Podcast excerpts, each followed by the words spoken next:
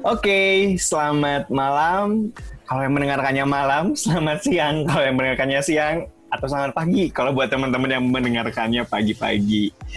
Ya, hari ini kita akan mencoba membahas Q&A, tanya jawab. Jadi waktu itu saya udah sempat diskusi mungkin ya sama teman-teman dari Imbang Diri tentang kepribadian ekstrovert dan introvert. Gimana caranya supaya menjadi pribadi dengan versi terbaiknya. Nah, mungkin waktu itu juga ada beberapa pertanyaan yang belum kejawab, atau mungkin belum kejawab semua ya pertanyaannya karena waktu yang terbatas juga. Dan hari ini saya akan mencoba menjawab pertanyaan-pertanyaan tersebut.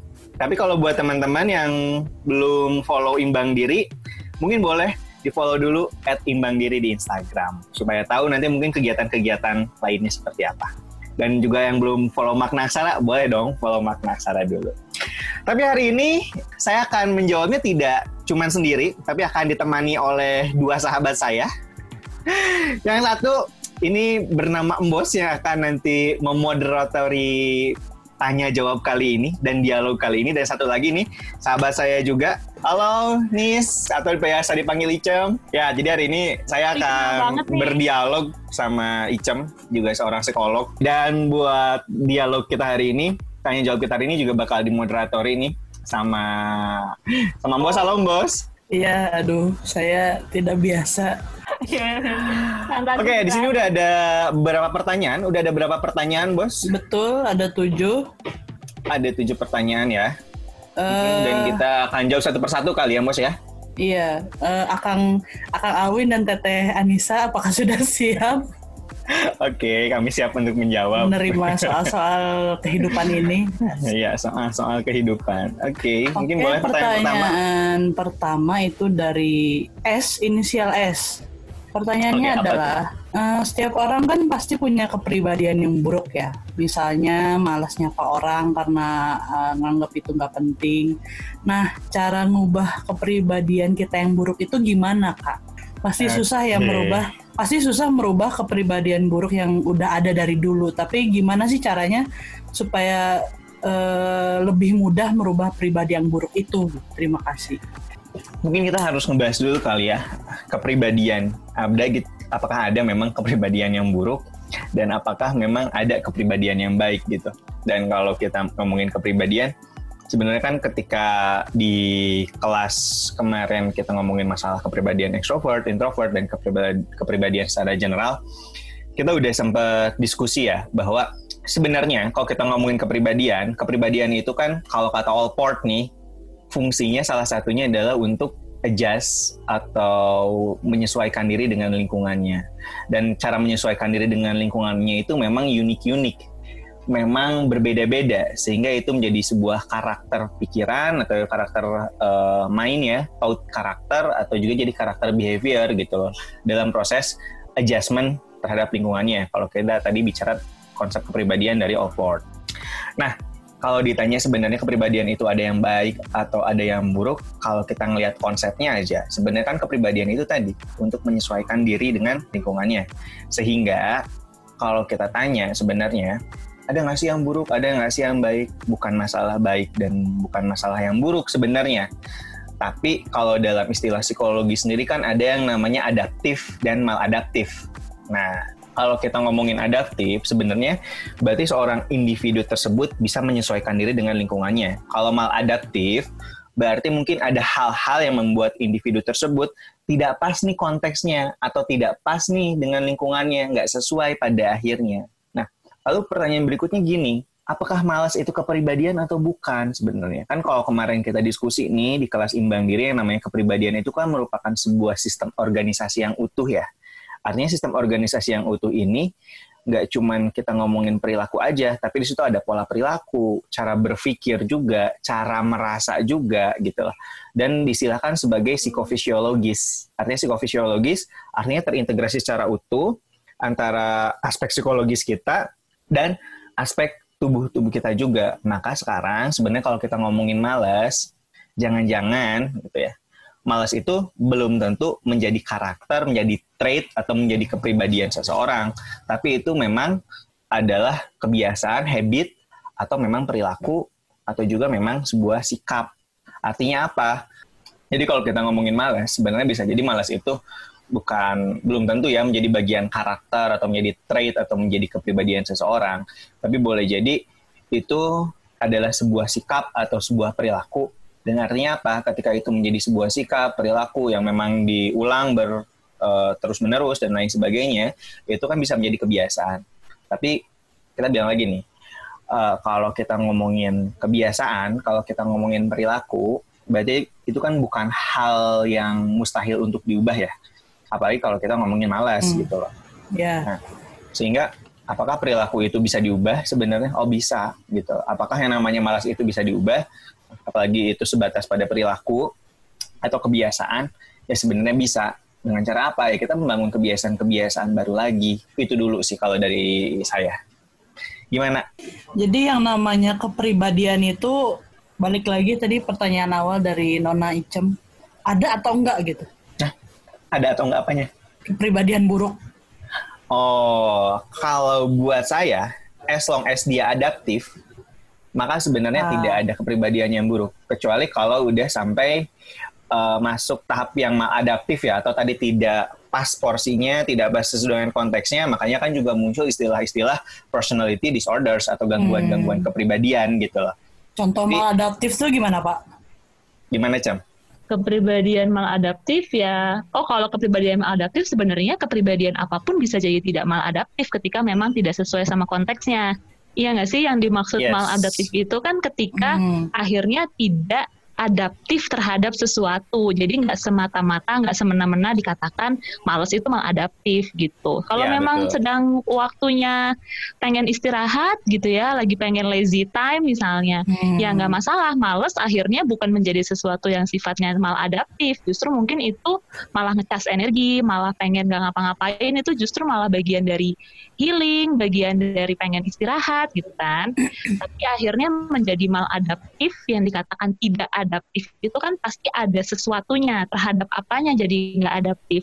Ya kira-kira kalau misalnya lagi uh, apa ya lagi ujian di kelas terus tiba-tiba orang itu tidur misalnya itu kan atau misalnya tiba-tiba dia males di kelas padahal kondisinya lagi belajar mungkin jadi tampak maladaptif karena tidak pas dan belum tentu juga kalau tadi Alwin bilang itu belum tentu suatu kepribadian bisa jadi sangat hmm. situasional ya karena kan Betul. yang dikatakan kepribadian itu kan akhirnya dia menetap dan kita bisa melihat bahwa oh orang ini memang seperti itu. Karena punya ada kecenderungan pola-pola, stabil sebenarnya.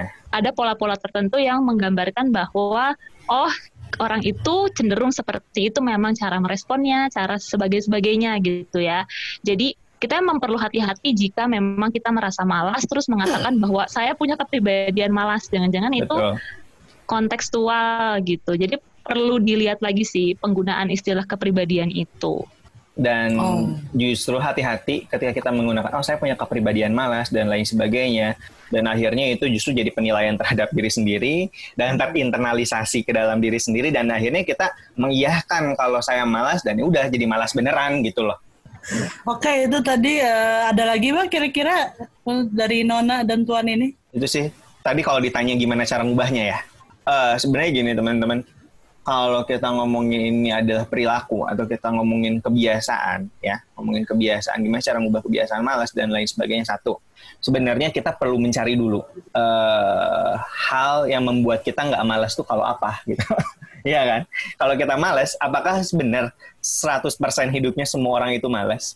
Atau bisa aja ketika males tapi dia, dia tetap melakukan karena kalau buat saya gini, yang terpenting ketika saya punya kerjaan atau saya punya tugas terlepas dari males atau enggaknya saya tetap melakukan. Saya tidak akan mensyaratkan bahwa ketika malas saya tidak akan melakukan walaupun saya malas ya saya tetap lakukan gitu. Jadi uh, saya pikir saya membedakan antara perilaku melakukan sebuah kerjaan dengan sikap malasnya itu. Menurut saya tidak perlu ya kita melakukan sesuatu harus selalu dengan semangat. Wow. Menurut saya nggak perlu juga melakukan sesuatu harus tanpa malas. Hmm. Bisa aja saya ujian dengan malas, saya bisa aja uh, belajar dengan tidak semangat, as long as saya hasilnya bagus gitu loh. Karena kan hmm. sekarang bukan masalah malas atau enggaknya, tapi apa yang kita lakukan ketika kita malas gitu loh justru kalau buat saya sih penting untuk tahu tadi sih sempat sebenarnya Alvin bilang kalau memang kita merasakan malas gitu ya mungkin nggak bisa tahu malasnya kenapa gitu tapi yeah. adalah untuk melihat dulu apakah misalnya nih ya kayak saya Kalau misalnya kayak aku mau mengerjakan suatu pekerjaan kantor misalnya ya, terus aku ngerasa males gitu. Nah itu aku perlu tahu apakah aku ini benar-benar malas karena pekerjaan kantor itu atau malas karena yang lain. Karena itu akhirnya perlu dibedakan. Kalau buatku ya, sehingga kita jadinya bisa ada kan misalnya kayak aduh males nih ngerjain ngerjain kerjaan kantor misalnya gitu. Kenapa? Padahal misalnya mungkin sebelumnya ya ya soalnya habis berantem sama mama misalnya. Itu kan bisa aja ya. Dan itu kadang-kadang jadinya nyeret nyeret apa ya? Si rasa malas itu belum tentu muncul karena memang hal yang sedang kita hadapi. Bisa jadi ada sesuatu yang mendahului atau menyeret sehingga ke bawah-bawah. Nah, itu yang tadi akhirnya mungkin Alwin bilang bahwa yang penting lakukan saja sesuatu itu kalau memang ternyata jangan-jangan malasnya bukan karena ini. Jadi kan jadi kan rugi ya dalam artian bukan rugi sih. Jadinya kita nggak profesional gitu karena hmm. kita misalnya malesnya karena hal yang lain tapi harus mengerjakan sesuatu hal yang lain jadi sama-sama malas jadi seharian itu bisa jadi memblaming diri sendiri tuh saya pemalas saya nggak ngapa-ngapain yeah, yeah. gak ada yang saya hasilkan padahal mungkin kita memang perlu aware sih ya nggak sih kita perlu aware bahwa oh saya tuh ternyata malesnya bukan gara-gara kerjaan kantor loh, tapi tadi memang ada emosi yang membuat saya jadi males ngapa-ngapain hari ini karena yeah. udah nggak nyaman gitu. Akhirnya kita bisa melakukan hal yang lain yang sebenarnya tadi Alwin bilang juga untuk ya lakukanlah sesuatu untuk ketika kita pun merasa malas dalam artian apakah memang saya perlu melanjutkan pekerjaan itu atau justru saya perlu memproses rasa malasnya dulu jadi kalau menurutku sih perlu tahu juga nih rasa malasnya itu rasa malas yang bawaan atau memang bawaan karena hal lain atau memang malas ketika mengerjakan hal tersebut gitu ya. In particular memang ya udah emang malas aja gitu.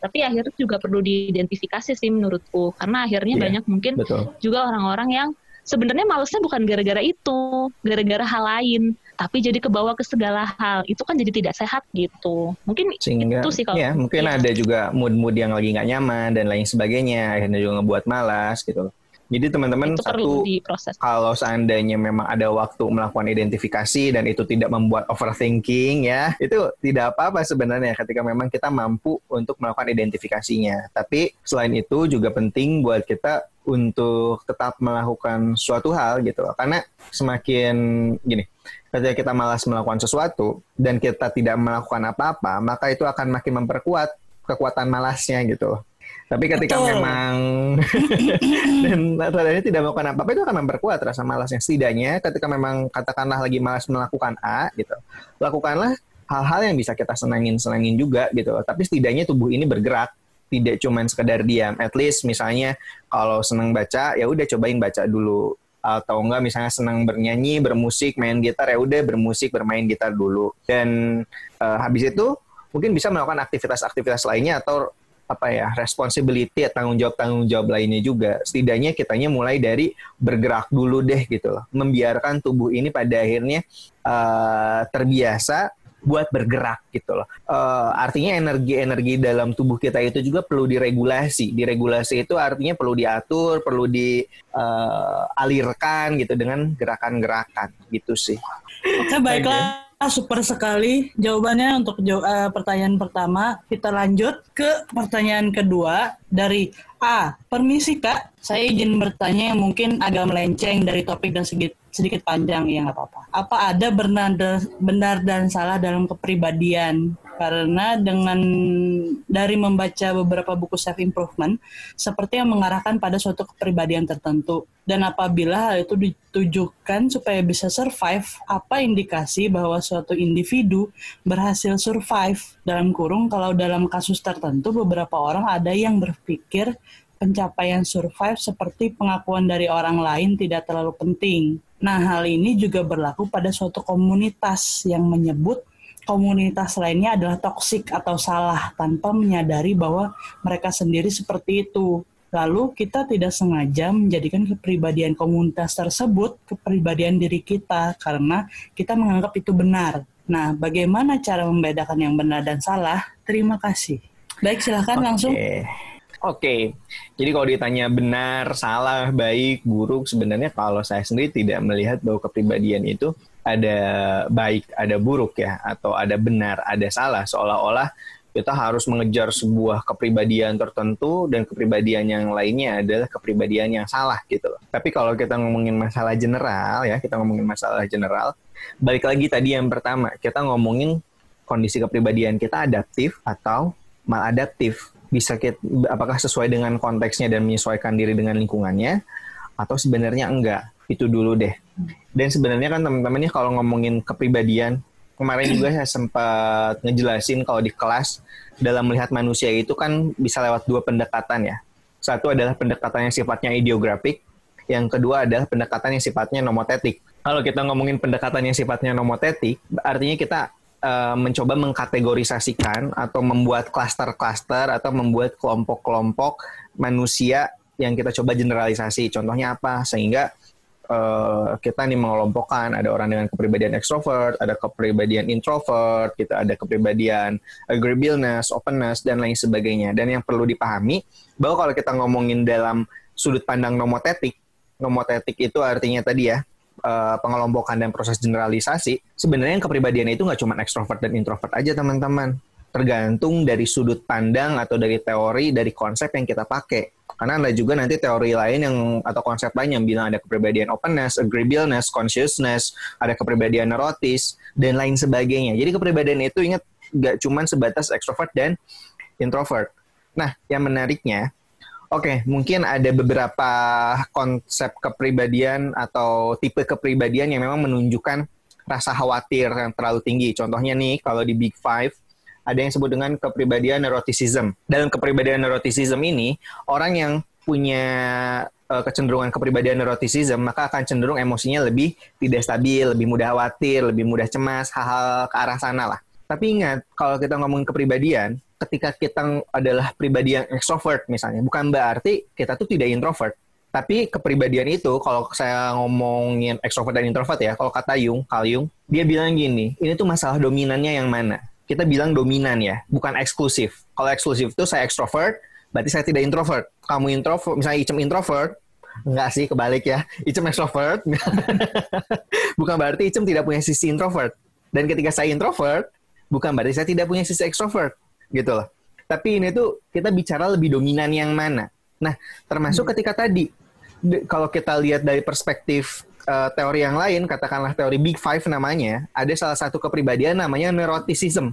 Dalam neuroticism yeah. ini ada kan uh, individu yang mengalami kondisi atau dominannya neuroticism kan akan cenderung lebih nggak stabil emosinya, akan cenderung lebih anxiety atau cemas, khawatir, takut dan lain sebagainya. Tapi kan gini teman-teman, setiap manusia juga tetap punya sisi neurotisnya gitu loh tetap punya sisi neurotisnya. Bayangkan kalau kita tidak bisa cemas atau tidak takut sama sekali, kita nggak akan survive. Kenapa? Bayangkan ketika ada harimau atau ada ular dan kita tidak punya rasa takut atau rasa cemas, yang ada saya elus-elus ularnya. Lalu saya dipatu. Lalu saya keracunan. Keracunan. keracunan dan selesailah saya. Tapi karena saya punya rasa cemas, selama rasa cemasnya itu proporsional, rasa takutnya itu realistis, nah maka kan itu yang menjadi adaptif justru. Nah, jadi kalau kita ngomongin ya, bukan berarti cemas itu juga jelek, bukan berarti sedih itu jelek, bukan berarti marah itu jelek, enggak. Selama kita bisa menempatkannya sesuai dengan porsinya, alias disebut dengan adaptif, maka itu tidak menjadi masalah. Justru itu membuat manusia bisa survive. Itu dulu dari saya. Gitu. Berarti memang untuk masalah kepribadian ini memang tidak bisa sesaklek itu ya, satu tambah Betul. satu dua. Memang selalu uh, apa ya manusia selalu ada irisannya gitu. Setuju kok, setuju. Kalau kepribadian itu tidak ada yang baik, tidak ada yang jahat ya.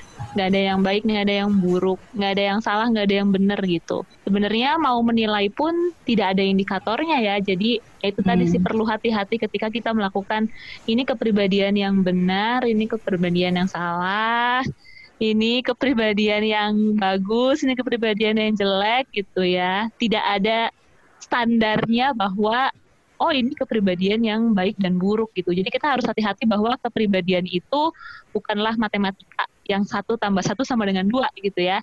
Bahwa kepribadian itu kan bukan eksklusif ya, tapi dia kan suatu rentang apa sih rentang ya? Ya bisa bergerak gitu ya. Jadi dinamis itulah dinamis kenapa, oh itulah kenapa manusia sangat dinamis. Kalau manusia itu satu tambah satu sama dengan dua kepribadian yang bagus ini dan itu secara jelas jadinya bukan manusia. Mudah sekali menghadapi manusia kalau seperti itu. Jadi uh, kita perlu melihatnya memang dari tadi. Apakah kalau kita bersikap A, B, C, D, atau misalnya kita menunjukkan emosi A, B, C, D, berperilaku A, B, C, D, apakah itu jadinya adaptif atau tidak? Tentunya kita bisa melakukan penilaian itu kalau ada keluarannya. Jadi hati-hati bedakan antara hasilnya dengan memang itu kepribadian kita jelek atau enggak itu tuh hati-hati gitu karena akhirnya uh, belum tentu misalnya uh, kita bersikap katakanlah buang muka ke orang hasilnya bisa menjadi jelek gitu. Dan kita udah ngeblaming diri sendiri bahwa itu nggak bagus berbagai segala macam. Itu tergantung sangat tergantung dengan konteksnya. Dan tadi menarik sih kata Ica memang ketika kita ngomongin kepribadian dinamis ya Cem ya. Dan tidak kita ngomongin wow. sesuatu yang saklek satu tambah satu dua atau hitam dan putih enggak gitu loh. Sehingga uh, balik lagi tadi ke konteksnya. Walaupun tadi ya contoh sederhananya gini. Terus ada, mungkin timbul pertanyaan terus kayak psikopat terus atau dengan gangguan-gangguan kepribadian lainnya. Sebenarnya itu kan kepribadian buruk misalnya, atau itu kepribadian yang jelek misalnya ya. Nah balik lagi sebenarnya. Uh, tadi kayak psikopat gitu ya atau kepribadian gangguan-gangguan kepribadian lagi kepribadian lainnya sebenarnya kan kenapa disebut maladaptif itu? Karena dia tidak mampu adjust atau menyesuaikan diri atau adaptif dengan kondisi lingkungannya. Contoh sederhananya, apakah juga ada yang bermasalah pada akhirnya dalam konteks berelasi sosial? Biasanya pada akhirnya arah-arahnya ke sana.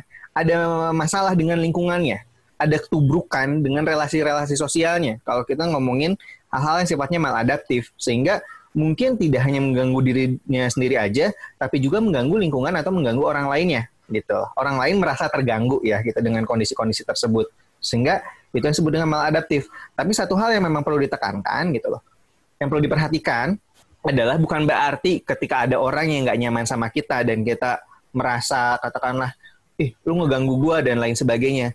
Belum tentu itu juga sebenarnya masalah gak atau gangguan kepribadian. Jangan semudah itu kita sebenarnya dalam melakukan penilaian-penilaian dan judgementnya. Karena kalau kita ngomongin kepribadian maladaptif atau gangguan-gangguan kepribadian, itu tuh kalau kita ngomongin indikator, itu tuh indikatornya sangat kompleks dan kita tidak bisa seenaknya melakukan penilaian-penilaian. Oh, lu gangguannya, ber, lu punya kepribadian bermasalah lu. Oh enggak, kita nggak bisa kayak gitu juga gitu lah. Karena tadi baik lagi kalau kepribadian itu sudah terintegrasi secara holistik seluruh uh, karakter kita, trait kita, kondisi psikologis dan kondisi fisiologis kita juga gitu loh. Sementara kan gak nyaman itu bukan tentu udah karena kepribadian, tapi bisa jadi karena perilaku, sikap, atau karena memang ada konflik-konflik tertentu gitu ya. Jadi walaupun tadi kita ngomongin adaptif dan maladaptif, bukan berarti ketika ada orang yang ngeganggu kita terus nggak bisa kita anggap nggak bisa berrelasi sosial udah pasti ini malah adaptif oh enggak. Kita tidak sesederhana itu dalam menentukan eh, kondisi-kondisi uh, kepribadian orang gitu loh. Jadi kepribadian orang benar-benar sangat dinamis. Jadi kalau kita ngomongin masalah uh, apakah kepribadiannya baik kepribadiannya mengalami maladaptif serahkanlah itu pada yang profesional tugas kita memang tetap uh, berperilaku baik dan ya berperilaku adaptif sih dengan siapa pun gitu kalau buat saya ya. Ya oke okay. berarti memang uh, apa tadi kata anda saya lupa aduh bahwa manusia itu memang tidak sederhana ya tidak sesederhana itu. Tidak sesederhana itu. Manusia itu spesial berarti. Spesial. Dan kompleks. Dan, dan kompleks ya kayak perumahan. Kayak rumahan. Baik. Oh ya, ini Tapi kayaknya masih ada pertanyaannya karena tadi Iya. Terus apa ini, lagi? Tapi ini nih ada bah, apa indikasi bahwa suatu individu itu berhasil survive dari kepribadiannya gitu. Oke, okay, oke. Okay. Ya tadi sih kalau ngomongin kepribadian yang membuat kita survive apa yang adaptif, baik lagi, baik lagi ke adaptif. Yep. Itu Betul. membuat kita adjust, mampu menyesuaikan diri dengan lingkungannya gitu loh. Itu yang adaptif. Dan uh, kalau kita ngomongin survive sebenarnya kalau buat saya manusia itu kan survive itu merupakan sebuah basic needs ya, merupakan sebuah kebutuhan manusia untuk survive itu. Cuman sekarang manusia punya pilihan, apakah hidup mau sekedar survive atau cuman sekedar bertahan hidup atau mau bertumbuh juga gitu loh. Jadi pilihannya apakah kita selaku manusia hanya sekedar survive? Ya udah, yang penting kita mampu bertahan hidup, yang penting kita mampu adaptif dan lain sebagainya atau justru hidup kita tidak hanya sekedar adaptif dan survive, tapi justru kita uh, flourish gitu. Kita mencoba yep. beraktualisasi, kita hmm. coba bertumbuh gitu lah. Terus tadi ada yang ngomongin kepribadian kelompok juga ya, ya bos ya? Ini uh, komunitas yang menyebut komunitas lainnya, ya komunitas uh, selain mereka itu toksik atau salah, tanpa sadar bahwa mereka sendiri juga nggak uh, sengaja menjadikan kepribadian komunitas tersebut juga kepribadian diri kita gitu karena nganggap itu benar. Oke, okay, kalau tadi kita ngomongin kepribadian kelompok, sebenarnya kalau dalam psikologi sendiri ada istilah namanya sintalitas ya, atau sintalitas ini disebutnya tadi kepribadian kelompok. Makanya kenapa kalau kita ngelihat sebuah kelompok atau sebuah komunitas atau sebuah populasi, kok kayaknya karakternya tuh sama ya, kok kayaknya kepribadiannya tuh sama ya, kok kayaknya kelakuannya tuh mirip ya. Itu yang disebut dengan sintalitas. Kenapa? Karena pada dasarnya uh, kalau kita ngomongin sistem sosial ya yang namanya individu itu juga nggak terlepas dari konteks sosialnya dan masalahnya situasi atau konteks sosial tersebut terbentuk karena memang individu-individu yang ada di dalamnya maka dari itu uh, ada sebuah kecenderungan populasi akan memiliki kepribadian atau perilaku atau karakter yang memang cenderung sama gitu itu yang disebut dengan sintalitas tadi ya Terus cuman ya ini tadi kalau di dalam ini ini ahlinya bos kalau kita ngomongin udah masalah intergroup konflik. Karena tadi ya ketika kita menganggap bahwa uh, kelompok lain sebenarnya oh, kelompok lain ya kita memberikan judgement-judgement atau stereotip-stereotip tertentu terhadap kelompok lain, lalu kita menghina kelompok lain, mendiskriminasikan dan lain sebagainya gitu loh. Bisa jadi sebenarnya uh, ini masuknya udah ke dalam bentuk intergroup konflik juga ya? Intergroup konflik, treat teori, treat. Oh, treat teori. Gimana tuh, Bos? Ada yang namanya in group, out group. Yes. Uh, kalau in group itu ya grup kita gitu, kita kamu. Yeah, yeah. Mm. Dan out mm. group itu adalah grup di luar kita gitu, mereka, kalian gitu. Dan memang mm. ini lebih kalau bisa dibilang apa ya nature juga nature sih sebenarnya gitu okay, universal okay. juga ketika di ketika uh, kita kami kelompok kita itu menganggap bahwa kelompok lain itu tidak lebih spesial atau tidak lebih benar dari kita gitu. Ya ya ya ya ya. Dan itu uh, faktornya banyak sih karena ya, satu yang paling besar ya sebenarnya faktornya paling dominan juga karena uh, keengganan untuk mengenal. Ya, ya.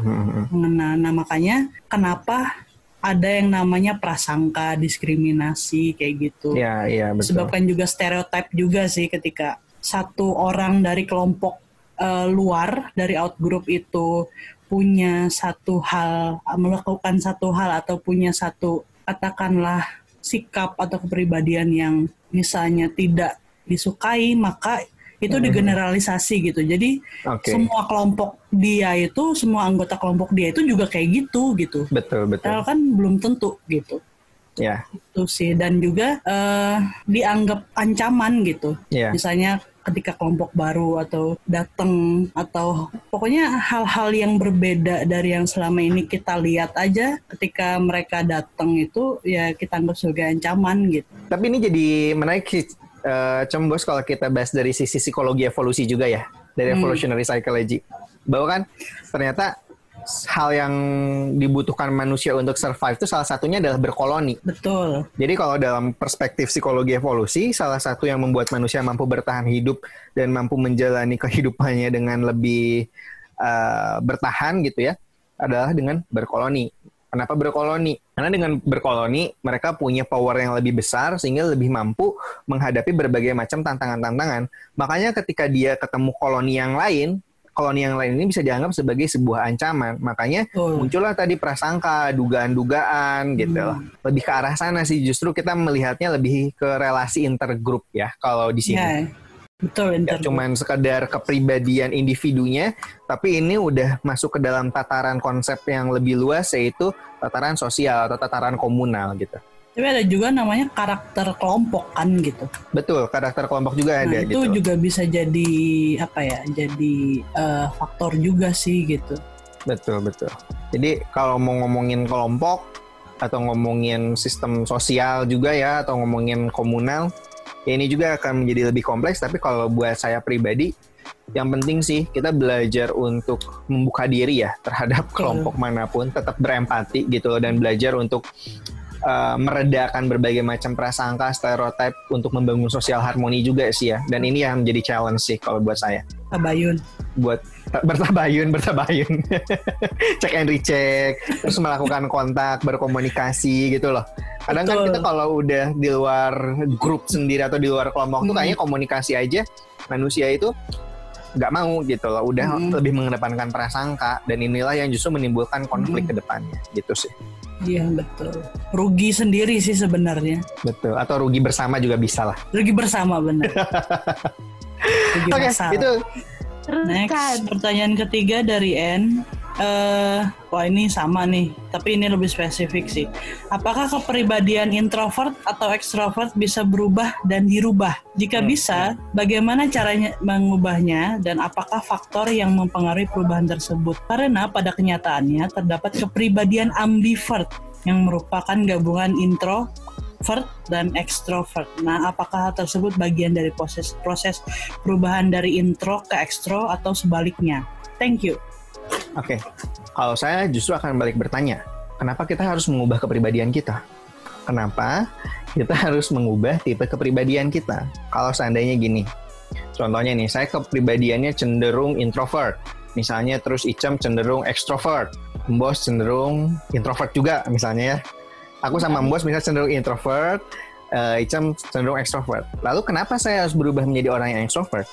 Terus kenapa juga Icem harus berubah menjadi orang yang introvert? Terus mungkin muncul alasan gini, kan supaya bisa lebih mampu bersosialisasi dengan lingkungannya. Nah, lalu pertanyaannya gini, bukan mbak, apakah memang orang yang introvert itu nggak bisa bersosialisasi? Nggak juga loh, gitu loh. Apakah orang yang introvert udah pasti nggak bisa ngomong di depan umum? Bukan, yang nggak juga gitu loh. Karena kan ngomongin extrovert, ngomongin introvert itu bukan ngomongin seberapa mampu dia bersosialisasi sebenarnya atau bukan ngomongin seberapa jago dia presentasi sebenarnya gitu Tapi kan ini lebih ke bentuk relasi, en energi relasinya ke mana. Kalau introvert kan kita ngomongin lebih banyak relasi ke dalam ya, itu ke dalam diri dan lain sebagainya. Dan energinya juga didapat dari sana gitu Kalau kita ngomongin extrovert, life energinya itu lebih banyak didapat dari memang eksternal. Kalau saya ngambil istilah Kalyung nih ya, yang memang mengemukakan konsep extrovert dan introvert, life energi ini sebutnya horme. H O R M E sebutnya life energy gitu. Dan life energy ini buat teman-teman yang introvert dapetinnya dari dalam. Kalau yang extrovert hormonnya ini atau life energy ini dapat dari eksternal gitu loh. Tapi balik lagi ini kita bicara tentang life energy dan lebih ke orientasi relasinya. Bukan berarti orang yang introvert itu nggak bisa berelasi kok. Maka kalau kita katakan lagi aduh kayaknya aku susah deh berelasi dengan orang yang baru. Maka bukan menurut saya ya, bukan berarti kita harus mengubah juga kepribadian kita, tapi kita belajar untuk bisa lebih berelasi gitu gitu loh. Sama kayak kalau saya nggak bisa berenang, maka saya nggak perlu jadi ikan, tapi saya cukup belajar berenang gitu loh. Kalau saya sih melihatnya seperti itu ya. Terus kalau disebut apakah bisa berubah, sebenarnya bisa-bisa aja. Berbagai macam penelitian juga menunjukkan bahwa sebenarnya dominannya kepribadian seseorang itu sangat mungkin diubah berdasarkan berbagai macam aspek gitu loh. Jadi kalau disebut aspeknya atau faktornya apa aja, sebenarnya banyak. Termasuk apakah kepribadian tersebut uh, didominasi oleh kondisi-kondisi nature. Kondisi nature itu adalah kondisi-kondisi biologis seseorang.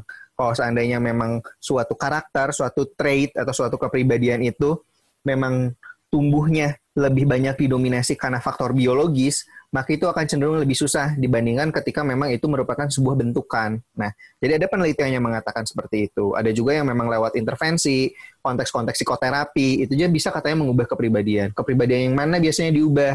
Misalnya gini, tadi kan saya bicara tentang neuroticism ya. Ada kepribadian yang memang unstable. Ada kepribadian yang memang cenderung lebih uh, neurotis, khawatir, cemas, atau masalah-masalah ketidakstabilan psikologis lainnya. Nah, ketika itu yang dominan, maka lewat beberapa intervensi atau terapi-terapi psikologis yang itunya diturunin proporsinya gitu loh. Sehingga uh, dominasi neurotisnya ini tidak terlalu tinggi. Ada beberapa penelitian yang bilang kayak gitu gitu. Jadi kok bisa diubah? Bisa. Cuman buat apa dulu diubahnya nih gitu. Yang mana dulu diubahnya nih gitu. Kalau ngomong extrovert dan introvert, menurut saya sepertinya tidak perlu berusaha dan bersusah payah juga untuk mengubahnya. Kalau mau berrelasi, bersosialisasi ya tinggal belajar bersosialisasi. Kalau mau ngomong di depan umum, belajarnya ngomong di depan umum gitu sih. Sebenarnya mengubah kepribadian ya iya sih buat buat apa dulu gitu ya. Pun misalnya bisa dirubah uh, tentunya membutuhkan energi yang besar untuk bisa mengubah itu karena kepribadian itu kan um, sesuatu yang sifatnya cenderung stabil ya, cenderung stabil, cenderung kita bisa bilang itu kepribadian orang kalau stabil maksudnya kayak dia punya kayak trademark gitu walaupun belum tentu pasti seperti itu akan berkelanjutan, tapi dalam artian oh dia mah gini orangnya itu karena kita melihat pola-pola yang misalnya berulang sehingga cenderung konsisten, cenderung stabil sehingga kita bisa bilang itu kepribadian gitu. Dan mau mengubahnya pun tentunya itu tadi ya perlu energi yang besar dan buat apa dulu dalam hal apa dulu gitu. Uh, cara eh cara mengubah kepribadian tadi udah jelas kayaknya sama Alwin ya kalau yep, mengubah kepribadian bisa dan kalau buat saya untuk apa dirubah tapi uh, ngerti sih karena ada yang gini mungkin karena uh, udah mengidentifikasi dirinya introvert terus hmm. kayak mungkin ngelihat orang atau ya ngelihat diri sendiri kayak enaknya jadi ekstrovert gitu kayak ya rumput tetangga mah kayak selalu lebih hijau gitu. Benar ya. Iya. Benar on the other side. Mungkin um, masih ada yang nyangkanya gitu gitu dengan introvert tuh nggak bisa apa-apa gitu kayak tadi. Sih. Hmm, padahal nggak seperti itu loh. Sebenarnya kalau iya, misalnya iya, dibilang introvert ya introvert ekstrovert gitu ya, mungkin ada tuh salah kaprah yang menjadi berkembang dan menimbulkan eh, penilaian-penilaian dan interpretasi sendiri gitu ya. Padahal kalau tadi sudah disampaikan juga sama Alwin bahwa itu memang life energy. Uh, bukan berarti loh misalnya gitu ya ketika orang yang sangat sekali mudah bergaul dengan orang lain uh, aku nggak bilang dia ekstrovert ya, tapi dalam artian uh, orang yang tampaknya mudah bergaul dengan orang lain, terus uh, dia bisa apa namanya adaptasi dengan lingkungan yang baru tidak susah. Belum tentu life energy dia itu datangnya dari orang lain gitu ya. Jadi ketika orang lain tampak mudah melakukan relasi belum tentu life energinya datangnya dari orang lain ya. Bisa jadi life energy dia datangnya dari diri dia sendiri juga. Ketika memang dia butuh mencas energinya, dia malah sendirian. Ketika dia butuh melakukan sesuatu mungkin lebih berat um, apa namanya beban emosionalnya mungkin dia nggak butuh orang lain dalam artian hmm. saya butuh memproses itu sendirian tanpa orang lain gitu karena akhirnya jadi jangan salah kaprah menyamakan antara ketika orang yang mudah berrelasi itu sama dengan orang yang life energinya juga dari orang lain. Padahal tidak seperti itu gitu. Maksudnya uh, ya karena itu terjadi ya dalam artian mungkin saya juga misalnya saya terlihat gampang misalnya bergaul sama orang lain dan sebagainya terlihat mudah uh, apa namanya menghadapi situasi yang baru. Tapi belum tentu bahwa life energy saya datang dari orang lain gitu Betul. ya. Bahwa bisa jadi ketika memang saya berada dari, dengan orang lain itu bukan berarti waktu-waktu saya mengecas energi saya gitu. Mungkin ada orang di luar sana yang ketika ketemu misalnya sama orang lain dia jadi kecas energinya. Tapi mungkin ada juga orang yang ketemu sama orang lain belum tentu dia ngecas energinya gitu. Karena ya sejujurnya misalnya pun saya gitu ya uh, ketemu sama orang lain itu belum tentu waktu-waktu di mana saya mengecas energi. Karena ada masa-masa di mana oh saya perlu sendirian untuk mengecas energi gitu. Dan itu itu menjadi suatu hal yang saya nikmati untuk mengecas energi ketika sendirian. Oh mungkin saya punya part uh, untuk tadi dikatakan oke okay, ini introvertnya di sini nih gitu. Tapi bisa juga di situasi yang lain tiba-tiba eh kayaknya saya perlu ketemu orang deh untuk ngecas energi saya. Ada juga gitu. Jadi nggak pakem-pakem bahwa seorang yang mudah berelasi misalnya itu dikatakan pasti dia ngecas energinya gampang banget dari orang enak ya gitu Justru malah ada kadang orang yang capek pengen juga loh sendirian untuk bisa ngecas energi, ada juga yang kayak gitu gitu. Jadi itu kita perlu bisa lebih fleksibel untuk melihat dari kacamata mana ini dan pisahkan antara jangan sampai terms atau istilah-istilah tadi itu mengkotak-kotakan manusia betul, yang sebenarnya sangat rentangnya sangat luas dan dinamis gitu. Betul. Dan maka dari itu kalau kita ngomongin tadi ada hal-hal yang sepertinya memang perlu saya benahi, ada hal-hal yang perlu saya perbaiki dari diri saya. Jangan lantas kita memblaming atau menyalahkan kepribadian gitu lah. Tapi justru uh, oh ya kan saya sudah introvert ya udah saya emang nggak bisa berrelasi sama orang lain dia kan ekstrovert jadi makanya dia itu gampang banget kalau harus ngomong depan orang enggak kepribadian itu bukan untuk mengkotak-kotakan dan untuk bukan untuk juga membatasi diri kita gitu lah. Ketika memang ada hal-hal yang kita rasa butuh dikembangkan, instead kita menyalah menyalahkan atau memblaming kepribadian kita apa oh gara-gara kepribadian gue dan lain sebagainya lebih baik kita benahi hal-hal yang memang perlu dibenahi tersebut gitu loh. Terlepas dari kepribadiannya apa. Karena setiap kepribadian apa pun berhak kok untuk bertumbuh sebenarnya itu ya Berarti jangan jangan terjebak istilah dan kategori. Betul, betul. Dan jawab pertanyaan terakhir tadi yang ngomongin ambivert ya. Sejujurnya saya nggak tahu kalau konsep ambivert. Ya saya denger sih sering ya eh, konsep ambivert yang gabungan introvert dan extrovert. Walaupun saya sendiri nggak tahu itu asal mulanya dari mana. Karena kalau saya mengacu kepada penelitian-penelitiannya ada, atau saya mengacu kepada teori-teori dan konsep yang dibangun dari awal, istilah ambivert itu nggak ada. Karena pada dasarnya individu itu punya kondisi ekstrovertnya, punya kondisi introvertnya. Tinggal dominannya yang mana itu aja gitu. Nah, itu tadi jangan terjebak uh, istilah dan kategori dan membatasi Betul. diri kita untuk bisa lebih sebenarnya. Ya betul betul. Langsung, jangan sampai kita terjebak sama iya, label iya. sih. Langsung ya saya memiliki teman yang setiap kali memiliki masalah dia pasti akan menghilang tiba-tiba baik dari rumah maupun media sosialnya. Kita sebagai temannya tidak tahu dia kenapa dan di mana. Selalu begitu.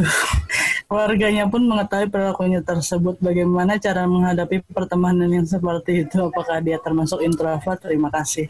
Baik, kalau tadi pertanyaannya adalah uh, kalau misalnya ada masalah nih atau ada kondisi-kondisi tertentu atau akhirnya ngebuat keluar dari media sosial atau keluar dari rumah, apakah itu termasuk introvert? Balik lagi, kalau saya justru melihatnya ini mah bukan masalah kepribadiannya, labelnya apa, bukan masalah introvertnya, bukan masalah extrovertnya, bukan juga uh, masalah label kepribadiannya apa. Tapi kan ini adalah bentuk coping strategi ya. Coping strategi itu adalah strategi penyelesaian masalah. Ini teman-teman, setiap individu, setiap manusia itu sebenarnya punya cara penyelesaian masalahnya masing-masing, alias punya coping strateginya masing-masing gitu. Dan coping strategi ini katakanlah gini, coping strategi yang sama, katakanlah ada orang ketika dihadapkan pada sebuah tantangan, misalnya dia butuh menyendiri dulu atau dia butuh nggak ketemu orang dulu. Nah, strategi seperti ini sebenarnya bisa dilakukan oleh orang-orang yang introvert, bisa juga dilakukan oleh orang-orang yang extrovert. Dan strategi ini tidak hanya mutlak dimiliki oleh yang introvert aja, dan tidak juga mutlak dimiliki oleh yang extrovert aja. Jadi kalau kita ngomongin coping strategi ya memang mungkin ada gitu loh kecenderungan-kecenderungannya ya gitu. Cuman setiap individu pada akhirnya punya cara copingnya masing-masing. Coping itu tadi ya penyelesaian masalahnya masing-masing gitu loh. Justru kalau yang saya lihat sekarang kalau kita ngomongin coping ya apakah copingnya atau penyelesaiannya itu adalah efektif atau tidak gitu loh. Efisien atau enggak dalam penyelesaian masalahnya. Lebih ke sana sih terlepas dari kepribadiannya apa. Sebenarnya orang yang dengan kepribadian berbeda bisa aja kok cara copingnya sama. Ada juga orang yang cara copingnya uh, beda, kepribadiannya sama gitu lah ya. Jadi kalau saya baik lagi tadi ngelihat ini lebih ke strategi copingnya. Gimana Cem kalau kata Icem? cara menghadapi mungkin belum dijawab kali itu tadi Pak. Bagaimana oh, cara iya, menghadapi pertemanan yang seperti itu? Gimana, itu mungkin bagian paling pentingnya kan habis dia tahu terus saya harus ngapain gitu kalau saya dihadapkan pada pertemanan yang seperti itu.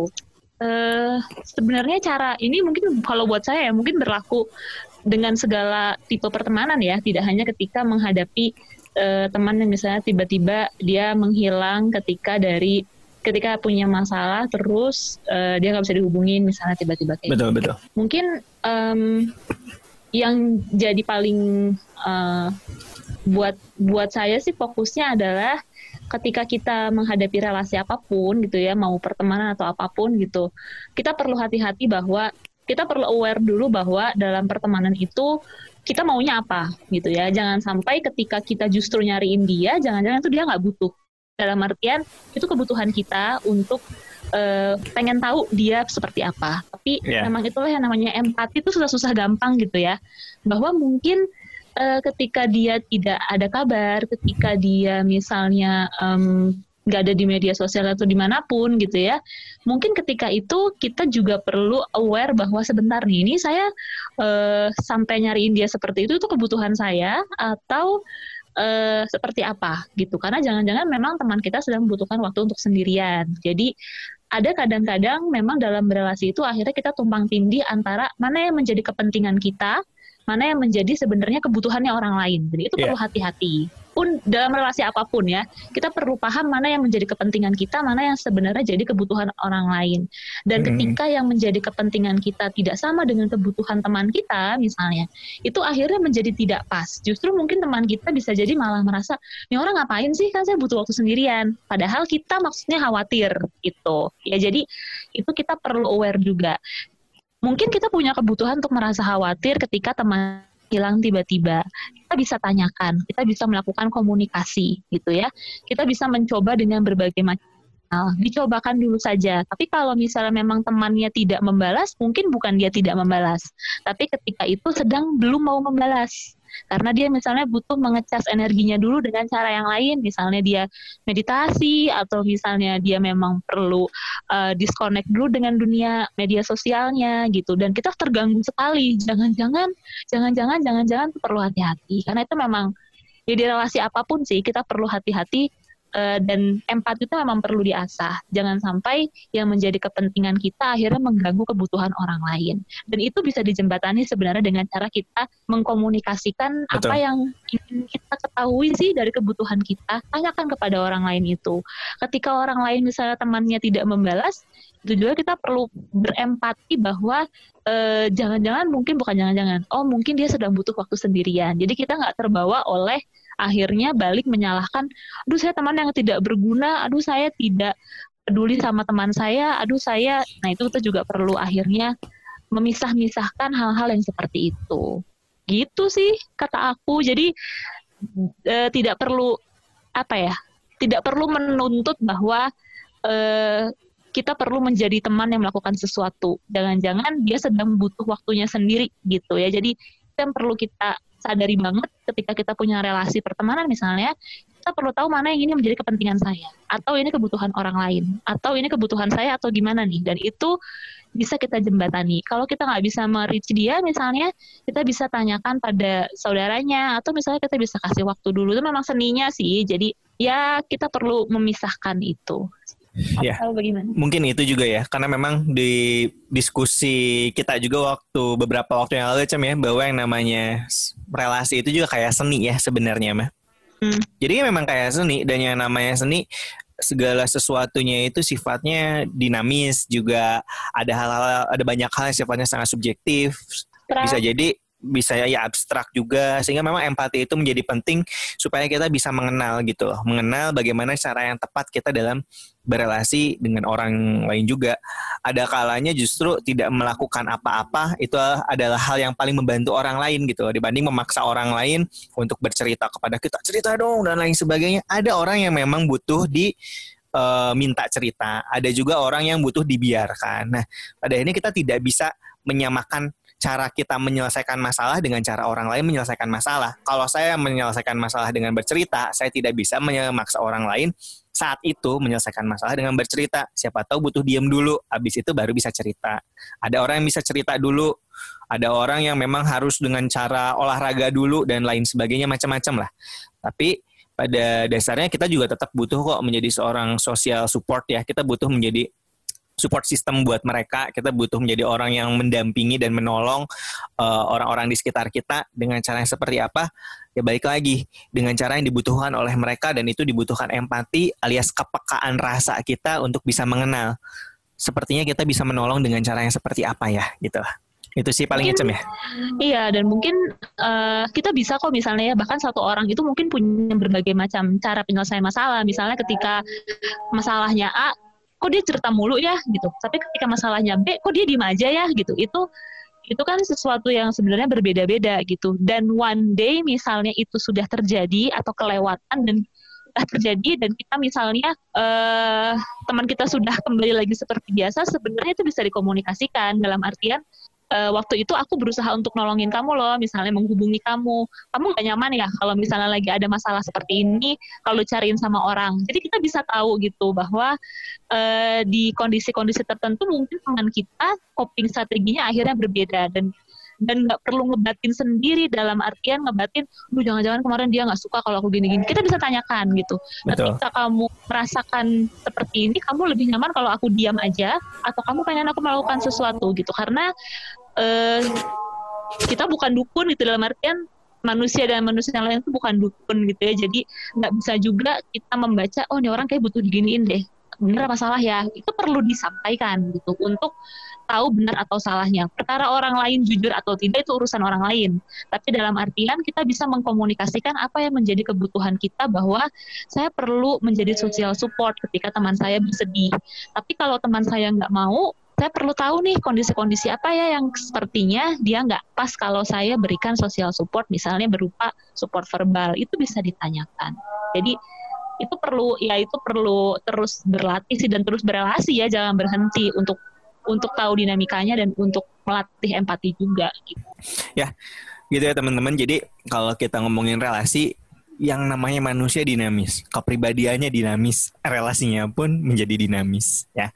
Tapi yang jelas tadi benar kita udah diskusi juga kata Icem komunikasikan karena kita bukan mind reader ya, bukan pembaca pikiran orang.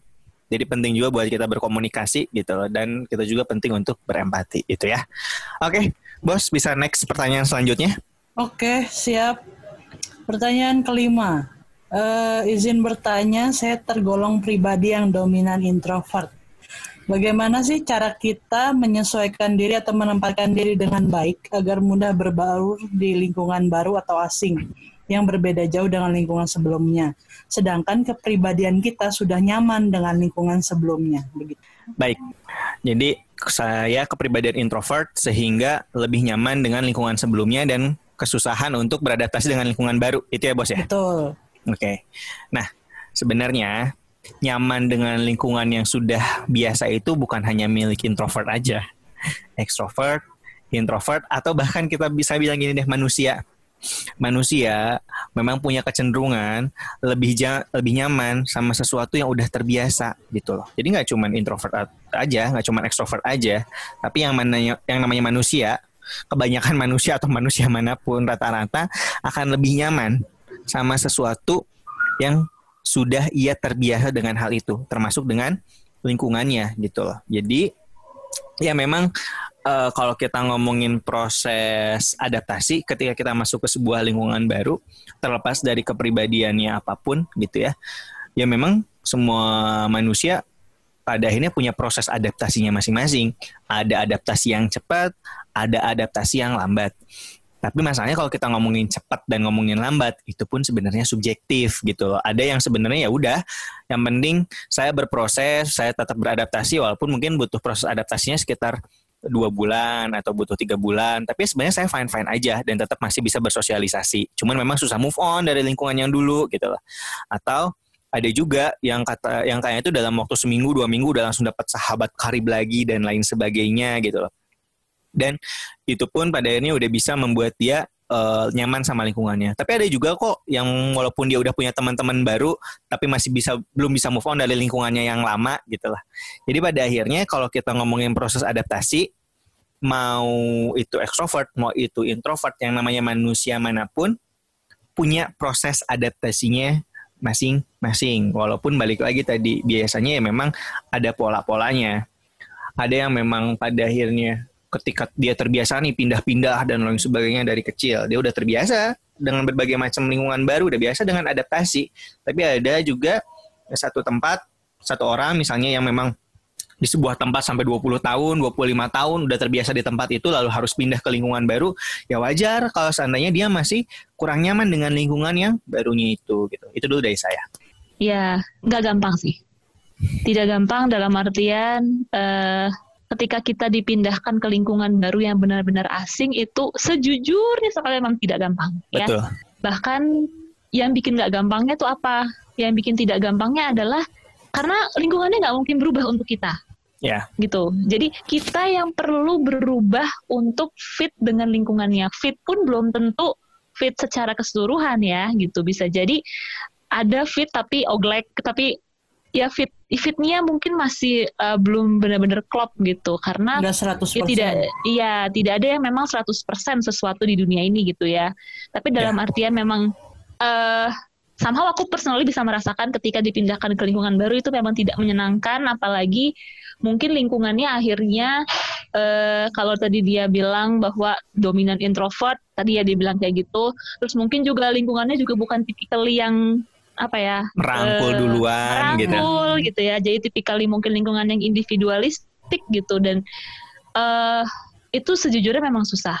Dan yang memang terasa sangat-sangat berat itu adalah karena yaitu tadi lingkungan tidak mungkin berubah untuk kita. Dan itu kenyataan yang pahit itu perlu diterima dulu bahwa Sad truth ya. tidak hard mungkin truth. itu hard truth tapi itu beneran itu beneran sesuatu yang memang kalau kita mengharapkan lingkungan berubah itu sesuatu yang sebenarnya buang-buang waktu gitu ya. karena yeah. tidak akan lingkungan itu berubah untuk kita sebelum kita menerima hard truth itu kita akan terus menuntut diri bahwa ini saya yang salah atau lingkungannya yang salah Betul. somehow kita akan menyalahkan entah pihak kita atau pihak di luar gitu jadi pertama terima dulu bahwa lingkungan itu tidak bisa kita rubah. Pun bisa berubah, kita akan kesulitan untuk mengontrol semuanya akan sesuai dengan kita gitu. Jadi memang terasa sangat-sangat berat karena kita yang harus berubah. Dan proses kita melakukan perubahan yang sudah merasa nyaman dengan seperti itu biasanya, lalu tiba-tiba kita perlu berubah, melakukan sesuatu agar fit lagi kepada sesuatu yang baru dalam hal ini lingkungan, itu takes time. Itu takes time dan naik turun mungkin jatuh bangun gitu ya. Bahkan mungkin tidak ada yang bisa di eh, nggak ada yang bisa jadi social support dan sebagainya. Tapi percayalah bahwa manusia sampai saat ini ada tuh karena dia beradaptasi gitu. Jadi uh, selama manusia masih ada selama itu pula manusia beradaptasi. Jadi apa ya cari tahu terus bahwa kamu bisa melakukan apa lagi gitu. Melakukan apa lagi untuk bergerak terus intinya. Bergerak terus saya bisa ngapain? Saya perlu memproses diri saya seperti apa lagi. Kok ini tidak pas ya? Coba lagi, coba lagi gitu. Karena ya at some point kita perlu uh, survive gitu ya. Baru kalau kita sudah bisa survive, barulah kita mencari makna, kita mencari uh, growth gitu ya. Karena level dasarnya survive dulu gitu ya, itu perlu perlu kita settling down dulu sih gitu kalau menurut aku dan itu manusia punya kapabilitas dan kapasitas untuk itu yang membuat dia beda dibandingkan makhluk hidup yang lain gitu jadi percayalah kapasitas itu kita punya gitu tinggal kitanya sekarang bergerak atau tidak untuk memahami sejauh mana kita mampu untuk beradaptasi oke berarti tadi ya memang tidak ada yang instan semua butuh ada. semua butuh, butuh proses. effort dan uh, apa ya mungkin lebih tadi sih menyadari bahwa kitanya yang harus bergerak dan lingkungan yang sulit untuk dikontrol dan dirubah jadi mungkin uh, menurunkan atau mengatur ekspektasi ya bahwa ya, ya. bahwa lingkungan yang akan apa ya berbuat sesuatu untuk kita gitu. Iya iya betul betul betul. Jadi ya, gitu. uh, kalau kita sendiri menjebak diri kita dengan perasaan-perasaan tidak mampu gitu, karena kan gini, uh, ketika kita bilang bahwa ah sepertinya aku bukan orang yang mampu untuk beradaptasi. Sepertinya aku memang sudah dari sananya kesulitan untuk beradaptasi. Itu juga yang bisa membuat kita menghambat diri, yang membuat diri kita itu terhambat untuk melakukan sebuah pergerakan-pergerakan. Maka dari itu benar label tadi ya. Terjebak kepada label tadi. Maka dari itu tadi kami bilang bahwa labelnya apa pun sebenarnya punya kapasitas untuk bisa beradaptasi. Sehingga manusia ras Homo sapiens sampai sekarang masih bisa bertahan hidup gitu ya. Hmm. Masih ada sampai sekarang karena mereka mampu beradaptasi. Cuman ya tadi memang proses adaptasinya itu beda-beda setiap orang. Tapi satu hal yang pasti kita perlu bergerak. Kita perlu bergerak. Kita nggak bisa selalu menuntut lingkungan untuk merangkul kita. Somehow kita juga butuh untuk uh, datengin lingkungan duluan tapi susah ya, kadang kan ada ya yang gitu ya tapi nggak bisa tapi gimana caranya gitu loh bisa dimulai nggak harus dari lingkungan yang sangat luas, bisa mulai dari satu orang, bisa mulai dari keluarga juga bareng-bareng. Siapa tahu kalau di situ ada saudara, ada teman, bisa mulai dari di, uh, pertemanan kecil dulu gitu. Nggak perlu langsung kita merasa bahwa ketika aku harus masuk ke sebuah lingkungan, aku harus nyaman sama semua orang yang ada di situ. Nggak harus gitu loh.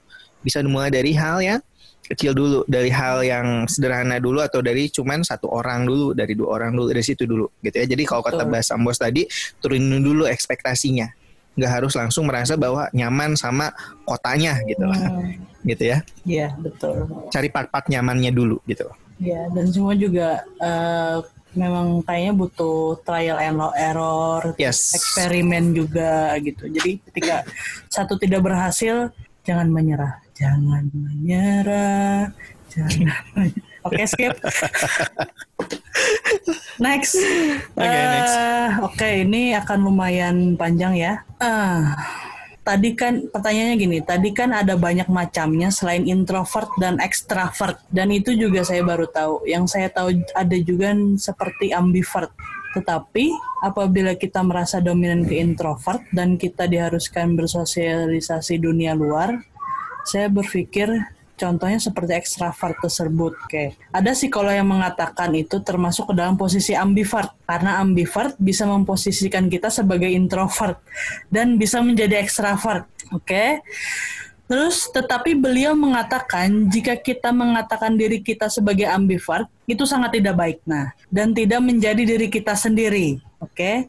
Yang saya tanyakan bagaimana cara kita memposisikan diri kita dan mengatasi kalau diri kita itu introvert tetapi kita mengusahakan diri kita bisa berbaur ke semua kalangan atau dunia luar dan juga bagaimana kita bisa melakukan atau belajar akrab terhadap orang lain dengan enak atau tidak dengan rasa takut, deg-degan serta minder bertemu dunia luar dan berhadapan dengan orang asing. Terima kasih uh, apa ya? Sebenarnya ini uh, apa namanya? Mungkin dari pertanyaan yang panjang ini juga uh, poinnya udah dijawab sendiri sama penanyanya gitu ya kalau menurut aku. Karena poin dari dari panjangnya pertanyaan ini adalah poin di mana sebenarnya yang bertanya juga sedang mencari dirinya sendiri gitu ya. Dalam artian entah ini tentang dia atau tentang orang lain, tapi uh, dari pertanyaan ini mungkin dia juga mencari tahu gitu ya tentang saya ini seperti apa sehingga mungkin pertanyaannya akhirnya ingin tahu banyak hal ya. Dan poin utamanya sebenarnya juga sudah disampaikan bahwa dan tidak menjadi diri sendiri terlepas apa kata psikolognya terlepas ekstrovert atau introvert atau ambivert yang dikatakan di pertanyaan ini. Cuma memang ketika tidak menjadi diri sendiri itulah yang menjadi sebenarnya biang kerok gitu ya. Ketika kan mengenali apakah saat ini saya butuh orang lain untuk mensupport saya, untuk mencas energi saya, atau ketika saya butuh sendirian untuk mencas energi saya gitu. Terlepas dari uh, apakah dia introvert atau ekstrovert, tapi itu kan terkait dengan bagaimana cara dia mencas energi sebenarnya tadi udah disampaikan juga sama Alwin gitu ya. Lalu um, pertanyaannya dia tadi adalah yang saya tanyakan bagaimana cara kita memposisikan diri untuk mengatasi kalau kita introvert oke okay, mungkin akhirnya uh, dia mengevaluasi diri gitu ya bahwa kok saya sering deg-degan kalau ketemu sama orang baru.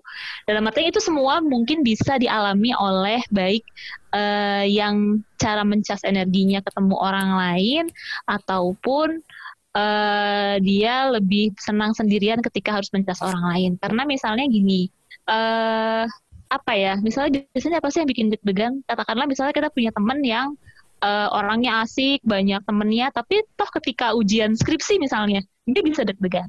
Atau misalnya dia orangnya tampak uh, easy going, tapi ternyata ketika harus berpidato depan presiden juga dia bisa deg-degan gitu. Iya, bisa ya, bener, bener. bisa minder, bisa khawatir. Aduh, ini saya presentasi depan presiden. Aduh, ini saya harus mengujikan skripsi saya depan dosen-dosen saya, depan profesor saya gitu. Jadi uh, mungkin balik lagi bahwa label-label bahwa introvert itu tidak bisa bergaul, nggak bisa ketemu orang itu yang perlu dihapuskan dulu karena itu bisa menjadi respon situasi terhadap oleh siapa pun gitu ya. Uh, dan itu yang kalau menurut aku menjadi menjadi barriernya sekarang ya. Untuk kita bisa menemukan diri kita sendiri seperti apa sebenarnya. Karena ya. hmm, ketika kita sudah paham seperti apa diri kita dan sudah meng, apa ya tidak lagi mengkotak-kotakan introvert dan ekstrovert mungkin jadi kita bisa lebih luas belajar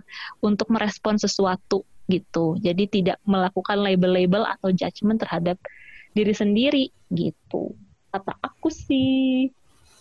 Jadi kalau kita ngomongin memposisikan diri, memposisikan diri itu juga menjadi penting ya. Ya. Mm-hmm. Satu kalau kita ngomongin memposisikan diri, memposisikan diri itu juga menjadi hal yang penting. Artinya kan kita mencoba menempatkan diri kita sesuai dengan konteksnya, gitu ya. Menempatkan diri sesuai dengan konteksnya. Tapi ketika pada akhirnya kita ada istilah ada ada ada kata gini kan kita mengusahakan diri kita bisa berbaur ke semua kalangan atau ke semua dunia luar. Siapa yang mengharuskan kalau kita harus berbaur dengan semua kalangan? Dengan semua orang? Dengan semua dunia luar? Nggak kok sebenarnya nggak harus kita bergaul dengan semua orang dengan semua kalangan. Nggak ada yang mengharuskan kita bisa untuk berelasi dengan semua orang. Karena balik lagi tadi kadang relasi itu juga ngomongin masalah fit nggak fit, cocok nggak cocok. Tapi kan terlepas dari fit nggak fit, cocok nggak cocoknya bukan berarti kita bisa seenaknya atau bisa berbuat jahat sama orang lain ya, gitu. Tapi untuk membangun sebuah uh, kenyamanan relasi ya ini hal yang perlu diakuin bahwa manusia mana pun sebenarnya ya mungkin bisa ya berelasi dengan dengan banyak orang gitu dengan orang-orang yang ditemuinnya. Tapi untuk masuk ke dalam sebuah ikatannya lebih dalam ada connectedness di situ gitu ada sebuah interkoneksi saya pikir manusia mana pun akan sulit melakukan interkoneksi dengan semua orang. Karena misalnya kalau saya ngambil beberapa konsep atau beberapa penelitian ya bahwa yang namanya manusia itu sendiri biasanya kalau kita ngomongin masalah significant others atau atau kelompok-kelompok yang memang dekat sama kita, satu ada yang uh, disebut dengan significant others atau kelompok terdekat itu ya memang biasanya cuma 5 sampai 10 orang gitu. Terus di tahap berikutnya lagi sekitar 10 sampai 15 orang. Di tahap berikutnya lagi yang memang membuat kita uh, ya cuman tahu atau cuman kenal doang itu sekitar 50 orang. Nah, itu tuh sebenarnya ada tahap-tahapan relasinya di mana semakin sedikit sebuah relasi, katakanlah tadi ya di tahap pertama yang biasanya itu berada di relasi keluarga atau persahabatan atau saudara dekat, ya di, itu interkoneksinya juga lebih dalam gitu. Dan ketika memang cakupan komunalnya atau komunitasnya lebih luas, maka sebenarnya proses kedekatan atau interkoneksinya juga itu semakin sulit. Maka dari itu sebenarnya interkoneksi itu terbangun tidak sama semua orang, walaupun bukan berarti ya mungkin aja ada orang yang terinterkoneksi atau koneksi dalamnya itu dengan banyak orang gitu. Tapi yang jelas, saya pikir kita akan sangat capek ketika berusaha untuk bisa dekat sama semua orang. Kita akan sangat lelah untuk membuat orang lain suka sama kita. Saya pikir tugas kita itu bukan membuat orang lain suka sama kita. Tugas kita itu berbuat baik sama orang lain. Tetap berelasi baik dengan orang lain. Terlepas responnya akan seperti apa sebenarnya. Karena gimana pun kita nggak bisa loh ngontrol respon orang lain gitu. Jadi kadang terlepas dari kepribadiannya apa pun ya gitu. Kita capek juga pada akhirnya ketika harus berusaha membahagiakan semua orang, harus berbaur sama semua orang, harus membuat semua orang itu senang sama kita itu loh gitu poinnya kalau buat saya ya gitu. Tapi yang jelas berelasi itu juga menjadi penting untuk kita gimana caranya membangun komunikasi yang memang baik. Akrab apakah akrab harus sama semua orang? Sama semua yang kita kenal harus kita akrab. Saya pikir tidak perlu gitu loh. Mungkin ada orang yang akrabnya bisa sampai 50 orang, ada yang akrabnya cuma sama dua orang, ada yang akrabnya sama tiga orang, ada yang akrabnya sama 100 orang gitu. Kalau kita memang bukan tipikal yang bisa akrab sama 100 orang, sama 50 orang, ya nggak apa-apa. Kita cuma akrab sama satu orang atau dua orang, ya nggak apa-apa. Itu bukan satu hal yang salah kok gitu. Selama kita tadi kuncinya masih bisa adaptif, selama kuncinya tadi kita masih bisa berrelasi positif sama orang lain, itu justru yang menjadi penting daripada kita berusaha akrab sama semua orang tapi kitanya sendiri capek pada akhirnya kitanya nggak genuine gitu lah. Ya mungkin ke orang lain tulus tapi kita nggak tulus sama diri kita sendiri. Gitu. Oh, itu, itu sih kalau tambahan dari aku. Berarti memang jangan apa jadikan berelasi dengan orang itu dengan harus dengan semua orang itu adalah obligasi gitu. Tujuan ya iya betul betul. Tujuan utama atau kewajiban manusia. gitu ya. Iya. Nah karena jatuhnya ya bahkan ketika kita memaksakan diri untuk mengenal semua orang berbaur dengan semua orang tapi ada ketidaknyamanan ya itu berarti kita nggak jadi diri sendiri gitu ya ya poinnya berelasi positif dengan siapa pun tapi jangan sampai juga kita membohongi diri yep. ya dan memaksakan diri untuk akrab sama semua orang nggak harus kok kita akrab sama semua orang Oke, terima kasih. Uh, next. Uh, Assalamualaikum warahmatullahi wabarakatuh. Selamat malam, Kak. Saya izin bertanya apakah benar orang yang kepribadian introvert itu akan sangat merasa sulit untuk memperoleh pengetahuan atau wawasan yang luas dan akan merasa sulit untuk berpikir kritis dibandingkan orang yang kepribadian ekstrovert. Oke, langsung saja. Oke. Apakah orang yang introvert akan sulit memperoleh wawasan dan berpikir kritis dibandingkan orang yang kepribadian ekstrovert? Itu ya pertanyaannya. Uh, saya tidak berpikir demikian ya saya ber, tidak berpikir demikian karena kalau kita ngomongin memperoleh wawasan, memperoleh pengetahuan, memperoleh pengalaman, cara berpikir kritis. Saya pikir dengan kepribadian apa pun sebenarnya manusia mampu melakukan itu gitu loh. Justru ya tadi balik lagi sih ke diskusi dan bahasan-bahasan kita sebelumnya, jangan sampai uh, apa ya opini-opini tentang kepribadian, opini-opini tentang label deh, opini-opini tentang label itu justru membatasi dan menghambat diri kita gitu loh. Justru ketika hal tersebut uh, menghambat diri kita, inilah yang perlu menjadi warning gitu loh. Yang kalau ditanya apakah benar dan saya pikir tidak benar. At all. at all gitu. Enggak sih. Kayak saya pikir mau orang introvert, mau orang extrovert punya hak yang sama untuk memperoleh wawasan. Orang yang introvert, orang yang extrovert punya hak yang sama untuk memperoleh pengetahuan dan pengalaman gitu. Orang extrovert dan introvert punya kapasitas yang sama kok untuk bisa berpikir kritis gitu loh itu kan tergantung tinggal kita bagaimana melatih cara berpikir, melatih cara uh, problem solving, melatih cara decision making, melatih kapasitas kognitif kita, kapasitas emosi kita gitu. Lebih ke arah sana sih kalau aku ngelihatnya ya gitu. Ya, poinnya paling itu ya bahwa yang namanya pengetahuan, yang namanya wawasan itu juga tidak hanya milik satu label kepribadian aja. Saya pikir setiap manusia punya kapasitas, punya kemampuan untuk mengembangkan cara berpikir kritis, punya hak dan kemampuan untuk memperoleh pengetahuan dan wawasan selama dia mau belajar, selama dia mau terus berproses gitu loh. Berproses untuk apa ya tadi? Untuk menumbuhkan cara berpikirnya, menumbuhkan ke kematangan emosinya, menumbuhkan kematangan dirinya. Yang penting sih itu kalau menurut saya, ya terlepas dari kepribadiannya apa pun. Oke tadi uh, pemirsa, pemirsa, listener, uh, pertanyaan terakhir sesi ini, uh, kalau bisa ditarik kesimpulan, mungkin kalau dari saya pribadi ya, uh, ternyata masih banyak gitu yang yang masih banyak miskonsepsi, kesalahpahaman tentang uh, bahasan kepribadian gitu, dan masih banyak yang mungkin masih banyak yang terpenjara oleh label gitu oleh label dan informasi-informasi tentang kepribadian yang mereka dapatkan sih gitu. Dan kalau menurut kalau buat aku sih pribadi sih mungkin agak ngerasanya agak agak khawatir juga dan agak membahayakan juga sih gitu buat individu itu gitu. Karena ya tadi bisa jadi membatasi diri mereka sendiri, potensi mereka sendiri gitu. Kalau dari saya closing statementnya uh, jangan terjebak sama yang namanya label ya. Yang namanya kepribadian itu ada bukan untuk membatasi diri kita justru. Penting sih buat kita tahu ya memahami diri kita gitu. Kita mengetahui cara berpikir, cara merasa kita, pola perilaku kita atau mungkin secara holistik disebutnya kepribadian kita.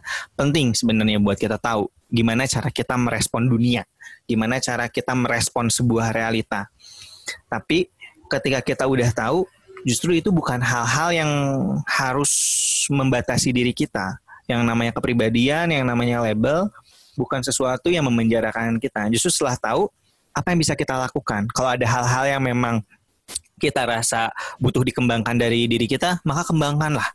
Kalau ada hal-hal yang perlu dibenahi dari diri kita, maka benahilah untuk supaya kita menjadi manusia yang bisa senantiasa bertumbuh. Itu sih kalau dari saya. Ya, tapi memang bukan berarti pengetahuan tentang kepribadian ini tidak penting ya gitu Pak. Bukan, bukan. Apalagi kan kalau teman-teman mungkin yang bekerja di area rekrutmen, itu juga menjadi penting kan hmm. buat mengetahui calon karyawan nih pola kepribadiannya kayak gimana atau mungkin uh, buat di dunia pendidikan atau setting-setting hmm. tertentu gitu loh. Bukan berarti tidak penting juga, ya. Calon jodoh juga. tes kepribadian dulu apa ya gitu kayak kalau saya sih nggak perlu. Oke. Okay. Nah, silakan gimana masing-masing aja. Tapi yang jelas yeah. ya kepribadian tidak sestatis itu, tidak sehitam putih itu. Manusia itu ada sangat dinamis dan dan balik lagi ketika kita udah paham kepribadian, justru jangan jadikan itu sebagai sesuatu yang menghambat diri kita, tapi hmm. membuat kita makin mengenal diri dan artinya ketika mengenal diri, kitanya mampu untuk membenahi diri. Itu aja sih kalau dari aku. Iya. Yeah.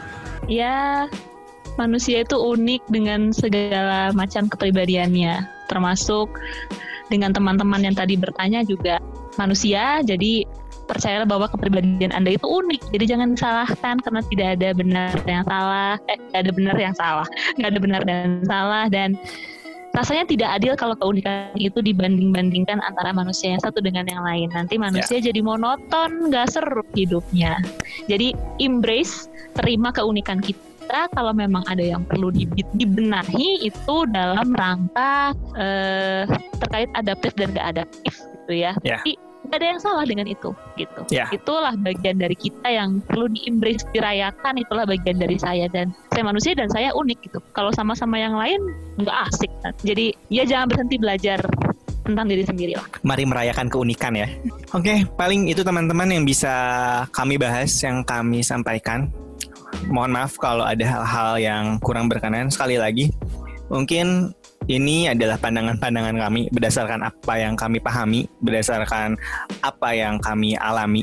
Tapi jangan jadikan ini sebagai sebuah kebenaran yang absolut dan teman-teman penting buat terus belajar, buat ya buat kita semua lah, buat terus belajar, buat terus mencari supaya kita bisa terus bertumbuh ya. Oke, uh, sekian sesi tanya jawab kali ini.